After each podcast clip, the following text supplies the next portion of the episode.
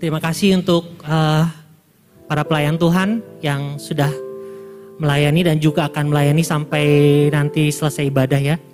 Uh, shalom juga untuk uh, teman-teman rekan-rekan yang nonton di YouTube. Uh, shalom selamat hari Minggu. Kiranya Tuhan dengan damai sejahteranya bersama dengan kita semua.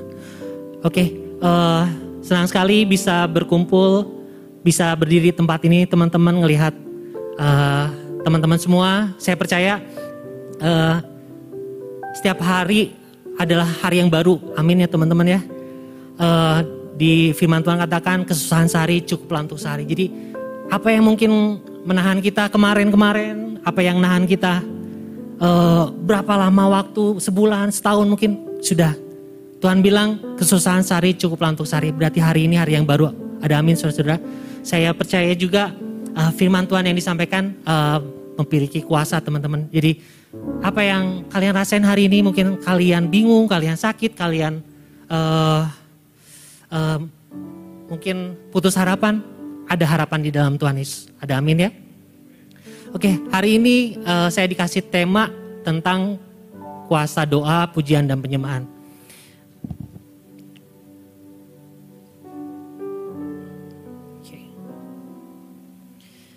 Oke, minggu lalu ada ikut ada uh, semua ikut KKR Paskah kan? Boleh acungkan tangannya ikut KKR Paskah? Oke, banyak juga ya. Uh, beberapa waktu lalu saya tanya sama adik-adik di hidup baru, dapetin apa? Dapetin apa? Terus ada yang bilang, oh, saya digerakin bang, digerakin untuk ke depan, maju ke depan gitu ya. Ada dua orang ke depan. Terus yang lain saya tanya, kamu gimana? Uh, saya ada sih dorongan ke depan tapi kayaknya enggak bang. Oke, udah nggak apa-apa. Tapi teman-teman ada pengalaman itu yang harus kita pegang. Ada pengalaman baru di dalam Tuhan. Itu yang perlu kita coba teman-teman. Kan positif ya. Saya percaya roh kudus yang ada di dalam kita itu ngasih dorongan teman-teman. Ngasih dorongan. Sama seperti yang dibilang adik kita ini di hidup baru. Bang saya ada dorongan untuk maju ke depan Nah, selanjutnya ya Tuhan yang kerjain betul teman-teman. Jadi hari ini bukan soal saya, tapi memang tentang Tuhan. Apa yang mau Tuhan sedang kerjain sama adik-adik semua. Terus uh, dua minggu lalu Ko Andri uh, bagiin tentang puasa. Di situ uh, saya dapetin headline-nya tentang membagi roti, membagi hidup kita untuk orang lain. Teman-teman, pujian penyembahan juga mirip teman-teman itu nggak cuman sekedar lip service. Kalau bahasa Inggrisnya lip service atau cuman omong doang. Nah justru Tuhan kita akan pelajari itu benar-benar uh, Tuhan gak suka sama yang cuman omong doang teman-teman. Tetapi kita akan lebih uh, dalam lagi uh, pelajari hal tersebut ya. Oke. Okay. Uh, teman-teman, kalau yang suka uh, nonton YouTube, pujian-pujian dari luar, mungkin ada pernah dengar ya lirik The Battle Belongs to the Lord. Jadi peperangan itu milik Tuhan. Pernah dengar itu ya teman-teman ya? Terus apalagi kira-kira teman-teman yang miliknya Tuhan apalagi? Pernah dengar ini enggak? Pembalasan adalah haknya Tuhan. Wow, pernah dengar itu juga ya? Artinya anak, -anak Tuhan nggak perlu tuh ngebalas kejahatan dan kejahatan. Nggak perlu tuh. Karena itu bagiannya Tuhan gitu loh. Nah hari ini kita mau belajar peperangan miliknya Allah. Ada ayatnya di situ dibilang di ulangan 3 ayat 22. Janganlah takut kepada mereka sebab Tuhan Allahmu dialah yang berperang untukmu.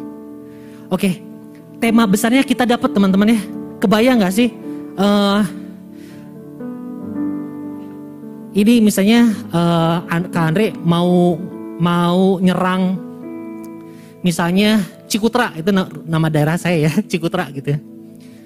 Kira-kira uh, satu satu bom mungkin berapa ton cukup nggak sih?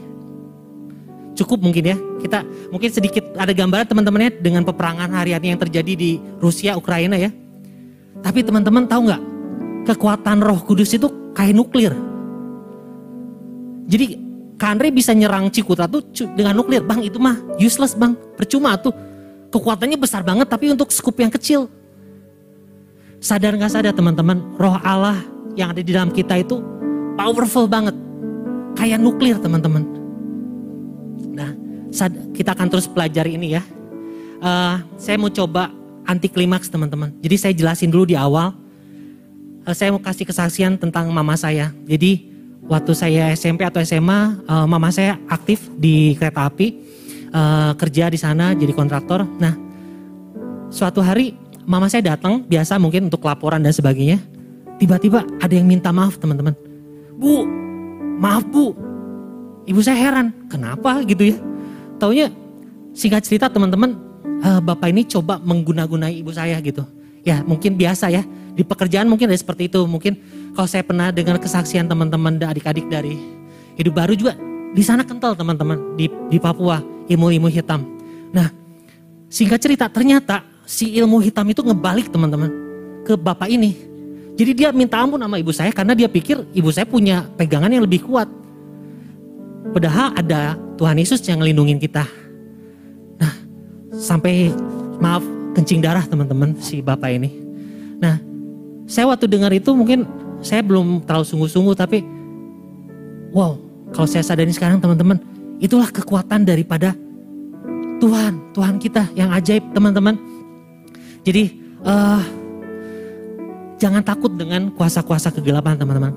Tuhan, hidup kalian yang sudah dibeli, kalian milik Tuhan. Kalian kayak biji matanya Tuhan. Kebayang dong misalnya ada yang orang gak dikenal coba toel-toel mata saya. Weh gak bisa langsung tangan beraksi gitu kak. Oh, begitu juga dengan Tuhan. Ada yang macam-macam sama teman-teman kayak biji matanya Tuhan kan kalian. Tangan siapa yang duluan nge ini nge apa uh, ngehalangin tangan Tuhan betul. Jadi ini kuncinya teman-teman. Peperangan adalah milik Allah. Oke. Okay. Kita akan pelajari lagi berikutnya. Nah, teman-teman uh, betul kita hidup di perjanjian baru. Uh, uh, waktu itu ada uh, panitia vaksin. Ada satu saya kenal sekolah Alkitab teman-teman. Terus saya tanya sama dia, uh, gimana ya supaya kita enak baca firman Tuhan, enjoy gitu ya kamu harus baca juga perjanjian lama. Nah teman-teman, saya mau ngajak teman-teman, pengen gak sih uh, dalam hidup kalian sekali aja tamat Alkitab? Ada yang mau? Boleh angkat tangannya sekali tamat Alkitab ada? Pengen? Pengen banget? Oke bagus. Nah, uh, saya ikutin pembacaan Alkitab dari gereja, jadi setiap tahun saya tamat teman-teman. Dan saya benar-benar menikmati Eh, cerita-cerita di perjanjian lama. Nah kalau teman-teman di uh, komunitas Papua, mereka ada pembacaan Alkitab uh, dua pasal setiap hari. Jadi kalau dua SMA harusnya udah tamat. Jadi semangat ya adik-adik yang ikut pembacaan Alkitab terus ya, terus baca ya. Oke juga teman-teman juga, ayo uh, saya ajak kenapa teman-teman.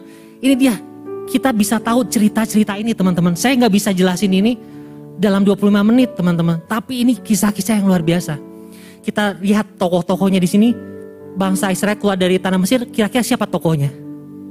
Musa, oke. Okay. Benteng Yeriko,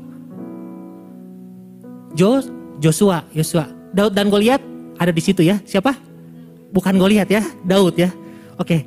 Nah teman-teman, peperangan yang mereka hadapin gak mudah teman-teman. Karena mereka menghadapi diri mereka sendiri, orang yang mereka pimpin, dan juga musuh-musuh. Kebayang teman-teman, tiga peperangan dalam diri Musa. Siapa yang percaya kita adalah pemimpin, minimal untuk diri kita sendiri. Percaya ya, kita juga adalah pemimpin teman-teman. Jadi waktu kita baca Alkitab, kalau bahasa sekarang tuh ada yang related sama kita. Saya uh, sama Musa, uh, waktu itu kami ada kelompok PA, bahas buku khusus Musa. Jadi waktu itu penulisnya Charles Swindle kalau nggak salah ya. Nah, di situ satu buku tebal gini teman-teman, hanya khusus bahas, bahas Musa teman-teman. Dan kok keren banget ini penulis bisa uh, kupas dalam. Jadi teman-teman saran ya, kalau ada berkat, nggak cuman makanan minuman, nggak cuman pakaian, tetapi buku rohani juga kita bisa beli ya untuk menambah pengetahuan kita. Nah, saya akan bacakan buat teman-teman di ulangan 31 ayat 6 sampai ayat ke-8. Kuatkan dan teguhkanlah hatimu, jangan takut dan jangan gemetar karena mereka, sebab Tuhan Allahmu dialah yang berjalan menyertai engkau. Ia tidak akan membiarkan engkau dan tidak akan meninggalkan engkau. Lalu Musa memanggil Yosua dan berkata kepadanya di depan seluruh orang Israel, Kuatkan dan teguhkanlah hatimu, sebab engkau akan masuk bersama-sama dengan bangsa ini ke negeri yang dijanjikan Tuhan dengan sumpah kepada nenek moyang mereka untuk memberikan kepada mereka untuk memberikannya kepada mereka dan engkau akan memimpin mereka sampai mereka memilikinya. Ayat yang ke-8, sebab Tuhan dia sendiri akan berjalan di depanmu, dia sendiri akan menyertai engkau. Dia tidak akan membiarkan engkau dan tidak akan meninggalkan engkau. Janganlah takut dan janganlah patah hati. Ini nasihat Musa untuk Yosua yang bersiap untuk memasuki uh, tanah perjanjian teman-teman. Oke. Kita akan baca lagi bersama-sama. Boleh di kalau ada yang bawa Alkitab kita buka ya di Mazmur 149 ayat 1 sampai 9. Saya dengan cepat baca untuk teman-teman. Mazmur 149 ayat 1 sampai 9. Haleluya. Nyanyikanlah bagi Tuhan nyanyian baru, pujilah dia dalam jemaah orang-orang saleh. Biarlah Israel bersuka cita atas yang menjadikannya, biarlah Bani Sion bersorak-sorak atas raja mereka. Biarlah mereka memuji-muji namanya dengan tarian-tarian. Teman-teman senang banget ya kita lihat tadi para dance bagus banget ya bisa menari. Teman-teman memang budaya di Israel tuh benar-benar ekspresif teman-teman. Jadi kalau bersorak-sorai, wow, tepuk tangan teman, lepas teman-teman. Nah, berharap sih teman-teman, itu bukan jadi kayak kebiasaan, tapi kita sadar teman-teman, kenapa sih kita bersorak-sorai buat Tuhan? Oke, kita lanjut lagi ya. Biarlah mereka memuji-muji ayat 3, biarlah mereka memuji-muji namanya dengan tari-tarian. Biarlah mereka bermasmur kepadanya dengan rebana dan kecapi. Jadi ada alat musik juga. Sebab Tuhan berkenan kepada umatnya, ia memahkotai orang-orang yang rendah hati dengan keselamatan. Biarlah orang-orang saleh beria-ria dalam kemuliaan. Biarlah mereka bersorak-sorai di atas tempat tidur mereka. Jadi saya lihat teman-teman versi lain ternyata artinya ini mereka bersorak-sorai di atas tempat tidur mereka itu mereka bersorak-sorai waktu malam hari teman-teman. Ya, jadi sepanjang hari tadi pujian itu kita nyanyikan ya.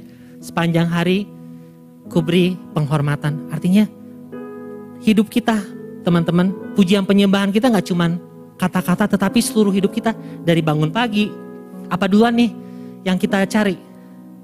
Kalau saya biasanya bangun, saya doa dulu sebentar teman. Jadi ada katanya e, manfaat dari ilmu kedokterannya. Jadi kita bangun itu pagi jangan langsung langsung jalan gitu teman-teman, tapi duduk dulu di samping tempat tidur, tunggu berapa menit gitu, supaya jantungnya nggak kaget teman-teman. Nah, ini juga hati-hati teman-teman. Kalau ada yang tidur, jangan kalian sembarangan mukul. Dia bangun tiba-tiba karena pernah kejadian uh, shock. Jadi itu ya yang hati-hati teman-teman. Nah, bangun tidur, duduk di samping, kita doa dulu. Dari awal kita mulai. Kemudian malam kebiasaan nih biasanya kalau di rumah saling HP-HPan, tapi ya terakhir doa bareng juga terakhirnya. Nah, tapi dari awal sampai malam kita tetap ingat Tuhan ya teman-teman ya. Oke, berikutnya biarlah pujian pengagungan Allah ada dalam kerongkongan mereka dan pedang bermata dua di tangan mereka. Ayat 7, untuk melakukan pembalasan terhadap bangsa-bangsa, penyiksaan-penyiksaan terhadap suku-suku bangsa, untuk membelenggu raja-raja mereka dengan rantai dan orang-orang mereka yang mulia dengan tali-tali besi, untuk melaksanakan terhadap mereka hukuman seperti yang tertulis Itulah semarak bagi semua orang yang dikasihinya. Haleluya. Nah teman-teman, kenapa saya tadi urge dorong kalian untuk baca perjanjian lama? Karena kalian bisa paham apa kejadian-kejadian apa di perjanjian lama yang memang itu campur tangan Tuhan banget gitu. Nah, oke okay, kita lanjut lagi. Saya cuman bahas dari uh, pembacaan tadi satu kata haleluya teman-teman. Ini ada satu yang unik teman-teman, gak semua bangsa, tetapi sebagian bangsa itu ada pelafalan haleluya sama. Jadi kalau misalnya ke Afrika, dia ngomong haleluya, haleluya. Ke Amerika, haleluya, haleluya. Tapi nggak semua bangsa teman-teman. Ini ini uniknya kata haleluya ya. Kita baca ya coba ya. Dalam bahasa Ibrani kata haleluya terdiri dari dua kata. Halelu dan ya. Kata halelu akhiran u menandakan perintah untuk orang pertama jamak semacam marilah kita. Berasal dari kata halel, memuji. Yang terdiri dari dua huruf Ibrani, hi dan lamed. Huruf hi awalnya adalah gambaran seorang laki-laki dengan tangan menengadah menengadah ya, menengadah. Bisa gini, bisa gini. Ke atas melihat ke suatu penglihatan yang menajubkan. Sedangkan huruf lamet pada mulanya gambar sebuah tongkat gembala. Oke, kita lanjut lagi. Tongkat dipakai sang gembala untuk menggerakkan kawanan binatang ke suatu arah. Dengan demikian penggabungan dua huruf hi dan lamet itu berarti melihat ke arah. Sedangkan kata Yah merupakan kependekan dari nama sebutan Tuhan, Yahweh atau dalam bahasa Inggris Yahweh atau Jehovah. Dengan demikian, haleluya dapat diartikan melihat ke arah Tuhan. Jadi teman-teman, kenapa tadi perikop uh, tadi Mazmur 149 dimulai dengan kata haleluya, teman-teman. Jadi penulis mau mau mau jelasin, mau tegasin teman-teman, ini karena Tuhan loh. Kalian ada di sini karena Tuhan loh. Kalian teman-teman Papua ada di Bandung karena Tuhan loh melihat ke arah Tuhan. Semuanya, semuanya punya pekerjaan yang bagus. Mungkin ada sebagian yang di PHK teman-teman di di di masa-masa sekarang. Kalau tapi kalaupun kalian punya pekerjaan yang bagus, wow, it's because of Jesus karena Tuhan. Nah, penulis ini terus melihat ke arah Tuhan, diulangi lagi melihat ke arah Tuhan. Ini awalannya teman-teman. Jadi kalau saya saya jelasin, kalau saya ngelihat diri saya, saya bisa kecewa teman-teman saya banyak kekurangannya. Tapi sekali lagi lihat ke arah Tuhan. Ada satu uh, uh, ada satu lagu dari audio adrenalin dibilang uh, If I keep my eyes on Jesus, I can walk on water. Jadi waktu kita pandang kepada Tuhan, saya bisa berjalan di atas air teman-teman. Artinya, mari teman-teman kita lihat terus kepada Tuhan ya. Oke kita lanjut lagi. Nah, teman-teman, di mana letak peperangan kita? Ternyata ada di pikiran kita, teman-teman. Pikiran kita dibombardir sekarang-sekarang sama sosial media, teman-teman. Oh, kalau kamu pengen keren, yuk liburan tiap weekend. Ataupun punya gadget yang terbaru. Dan sebagainya, teman-teman. Tapi kita harus pelajari ini, teman-teman. Di mana letak uh, peperangan kita ya. Di sini dibilang di Roma 12 ayat 1 dan 2 saya bacakan untuk teman-teman. Karena itu saudara-saudara demi kemurahan Allah aku menasihatkan kamu supaya kamu mempersembahkan tubuhmu sebagai persembahan yang hidup, yang kudus dan yang berkenan kepada Allah. Itu adalah ibadahmu yang sejati. Janganlah kamu menjadi serupa dengan dunia ini, tetapi berubahlah oleh pembaruan budimu. Sehingga kamu dapat membedakan manakah kehendak Allah, apa yang baik, yang berkenan kepada Allah dan yang sempurna.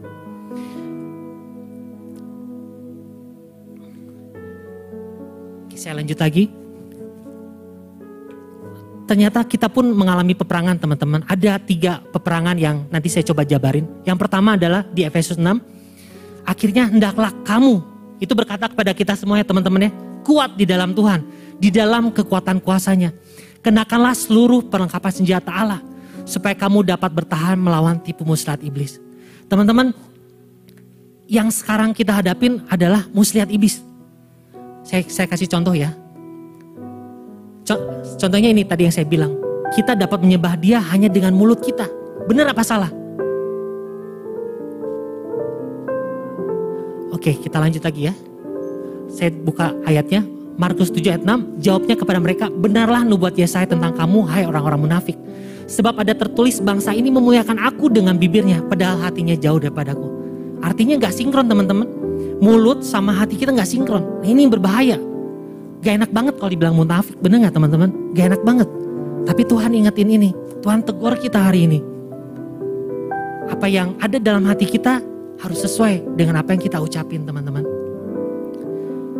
Oke, ini kisah yang menarik yang beberapa kali related sama hidup saya teman-teman. Saya bacain ya. Tetapi Matius 21 ayat 28 sampai 31. Tetapi apakah pendapatmu tentang ini?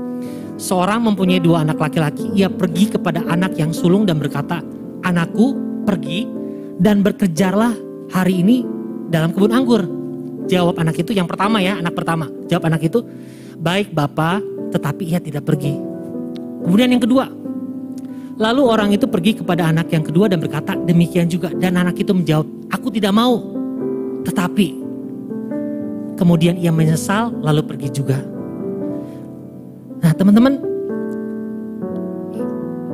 ini saya lihat ya, saya diri saya, kadang kita bilang iya sama teman misalnya, loh lu mau gini nggak? Iya, iya.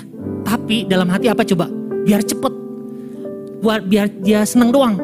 Padahal kita nggak lakuin. Nah itu yang bahaya teman-teman. Artinya kata-kata kita nggak sesuai sama perbuatan kita. Ini yang bahaya teman-teman.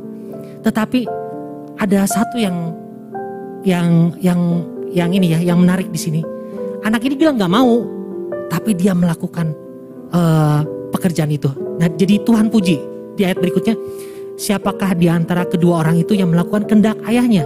Jawab mereka yang terakhir.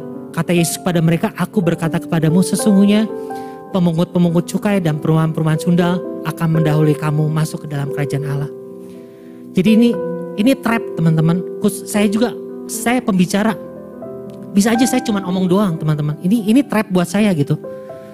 Tetapi maukah saya menjadi pelaku firman Tuhan? Saya ngelakuin apa yang saya khotbahin. Ya, jadi teman-teman juga sama. Kalau disuruh mama, disuruh papa, tolong belikan ini dulu ke pasar. Kalau jawabannya enggak, tapi terus kalian ke pasar itu oke. Okay. Tapi kalau iya dan kalian nggak lakuin, itu masalah teman-teman. Jadi Bang Andre, Pujian penyembahan itu nggak cuma kata-kata betul, tetapi dengan hidup kita teman-teman. Ini dipuji sama Tuhan. Artinya melakukan perintah Tuhan. Oke, sejatinya adalah dengan seluruh hidup kita. Jadi nggak cuma mulut. Oh saya suka nyanyi teman-teman.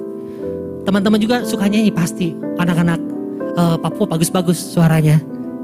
Tapi nggak cuma mulut kita, tetapi dengan seluruh hidup kita. Amin. Nah ini uh, saya bagian ini juga teman-teman. 1 Korintus 6 ayat 15 sampai 20. Tidak tahukah kamu bahwa tubuhmu adalah anggota Kristus? Akan kuambil ke anggota Kristus untuk menyerahkannya kepada pecabulan? Sekali-sekali tidak. Atau tidak tahukah kamu bahwa siapa yang mengingatkan dirinya pada perempuan cabul menjadi satu tubuh dengan dia? Sebab demikianlah kata nas keduanya akan menjadi satu daging. Tetapi siapa yang mengikat diri tetapi siapa yang mengikatkan dirinya pada Tuhan menjadi satu roh dengan dia. Teman-teman, saya tadi saya ikut doa sebelum khotbah. Kayak saya diingetin ini teman-teman yang melakukan dosa pencabulan ini pasti dia nggak ingat Tuhan teman-teman. Tetapi firman Tuhan itu kena sama dia. Kenapa? Karena dibilang menjadi satu tubuh dengan dia. Walaupun orang ini sedang berdosa teman-teman. Ini yang ini yang ini yang powerful teman-teman. Kalian mau percaya apa enggak janji Tuhan itu digenapi. Kalau kalian searching di Google kesaksian-kesaksian, ada yang pernah kesaksian A tidur dengan B, B tidur dengan C, Tahu apa yang terjadi sama satu anak ini yang tidur bergantian? Sifat dari orang B ini nempel sama dia. Sifat dari orang C ini nempel sama dia. Ngeri teman-teman. Nah ini jadi saya bilang sama teman-teman, kenapa saya tekankan dengan nggak cuma mulut teman-teman, tapi dengan hidup kalian. Nah, tapi Tuhan bilang, tetapi siapa yang mengikatkan dirinya pada Tuhan menjadi satu roh dengan dia. Ada amin teman-teman. Coba ikatkan kita dengan Tuhan. Coba ikatkan kita dengan Tuhan. Diri kita dengan Tuhan. Oke, sorry, sorry. Oke, yang berikutnya adalah ketakutan teman-teman. Saya uh, saya bacakan untuk teman-teman. Di dalam kasih tidak ada ketakutan. Kasih yang sempurna melenyapkan ketakutan. Sebab ketakutan mengandung hukuman dan barang siapa takut ia tidak sempurna di dalam kasih. Ketakutan untuk datang kembali sama Tuhan. Teman-teman, Hari ini kalau firman Tuhan berbicara sama kalian, jangan takut untuk kembali sama Tuhan. Tuhan bukan manusia teman-teman yang menolak orang. Dia tidak pernah tolak orang yang datang sama dia. Jadi kembali sama Tuhan, ceritakan kalau perlu minta maaf, minta ampun, minta ampun teman-teman. Satu yang satu ayat sembilan betul. Nah terus bisa, bang suara saya nggak bagus. It's okay, kalian lakukan semua puji-pujian untuk Tuhan betul, bukan buat manusia. Dan seterusnya teman-teman. Nah ketakutan diatasi dengan tinggal dalam kasih Tuhan. Dibilang di sini Yohanes 15 ayat 10. Tinggallah di dalam aku. Kita belajar teman-teman. Tinggal di dalam Tuhan itu seperti apa? Di dalam perintahnya. Di dalam kasihnya. Artinya ketakutan ya saya tahu rasanya teman-teman ketakutan ketika melakukan dosa teman-teman. Artinya kalau kita nggak hidup di dalam kebenaran kita ada ketakutan, kekhawatiran. Kita nggak tahu janji Tuhan buat hidup kita. Jadi di sini dibilang tinggallah dalam kasih Tuhan teman-teman ya. Yang terakhir adalah ketidakpercayaan, tidak ada kuasa teman-teman. Karena kita nggak percaya. Tidak membangun hubungan dengan Tuhan artinya apaan sih doa, apaan sih gereja, apaan sih perintah-perintah ini ah gue melanggar semua. Artinya kita nggak percaya juga ternyata teman-teman. Ada yang bilang tenang buat dosa nanti juga diampuni. Artinya dia nggak percaya teman-teman. Sebaiknya dia punya pilihan untuk percaya bahwa Tuhan bisa membebaskan dia dari dosa itu. Harusnya itu yang dia percaya gitu. Bukan hanya terakhir, oke okay, dosa saya diampuni. Enggak. Harusnya kita percaya teman-teman bahwa Tuhan bisa membebaskan kita dari dosa-dosa kita. Dari ketergantungan kita, pornografi, minuman keras, seks bebas. Sebenarnya Tuhan bisa mampukan kita untuk bebasin itu. Ada amin teman-teman? Oke, ketidakpercayaan diatasi dengan iman. Jadi waktu kita baca firman Tuhan, dibilang di Roma 10 ayat 17, uh, iman timbul dari pendengaran dan pendengaran akan firman Kristus. Artinya teman-teman, kita harus rajin tetap baca firman Tuhan ya. Supaya iman itu timbul dalam hati kita. Dan ini beberapa kesimpulan bagaimana kita menjadi seorang pemenang. 1 Samuel 15 ayat 22 tetapi jawab Samuel, apakah Tuhan itu berkenan kepada korban bakaran dan korban sembelihan sama seperti kepada mendengarkan suara Tuhan? Sesungguhnya mendengarkan lebih baik daripada korban sembelihan, memperhatikan lebih baik daripada lembah lemak domba-domba jantan. Itu tadi yang seperti saya bilang teman-teman. Kayaknya ada orang yang ngegampangin, ah udah buat dosa nanti juga diampuni. Dia punya prinsip kayak gini teman-teman. Dia punya prinsip bahwa korban itu bisa nyogok Tuhan gitu tetapi yang sungguh-sungguh yang Tuhan minta bagi kita adalah mendengarkan dan memperhatikan. Dan ini kuncinya, kita hidup berkemenangan. Arahan dari pemimpin perang kita akan menentukan kemenangan peperangan yang sedang kita hadapi. Dia rindu kita menjadi lebih dari pemenang. Roma 8 ayat 31, eh, sebelum kita tutup saya bacakan buat teman-teman Roma 8 ayat 31.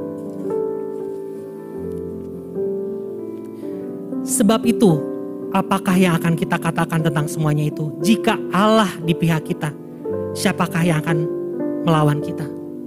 Itu teman-teman, ketakutan, ketidakpercayaan. Kita bisa atasin teman-teman. Karena kita memiliki hidup yang berkemenangan. Sekali lagi saya mau ingatkan teman-teman, tadi kata haleluya ya, melihat kepada Allah.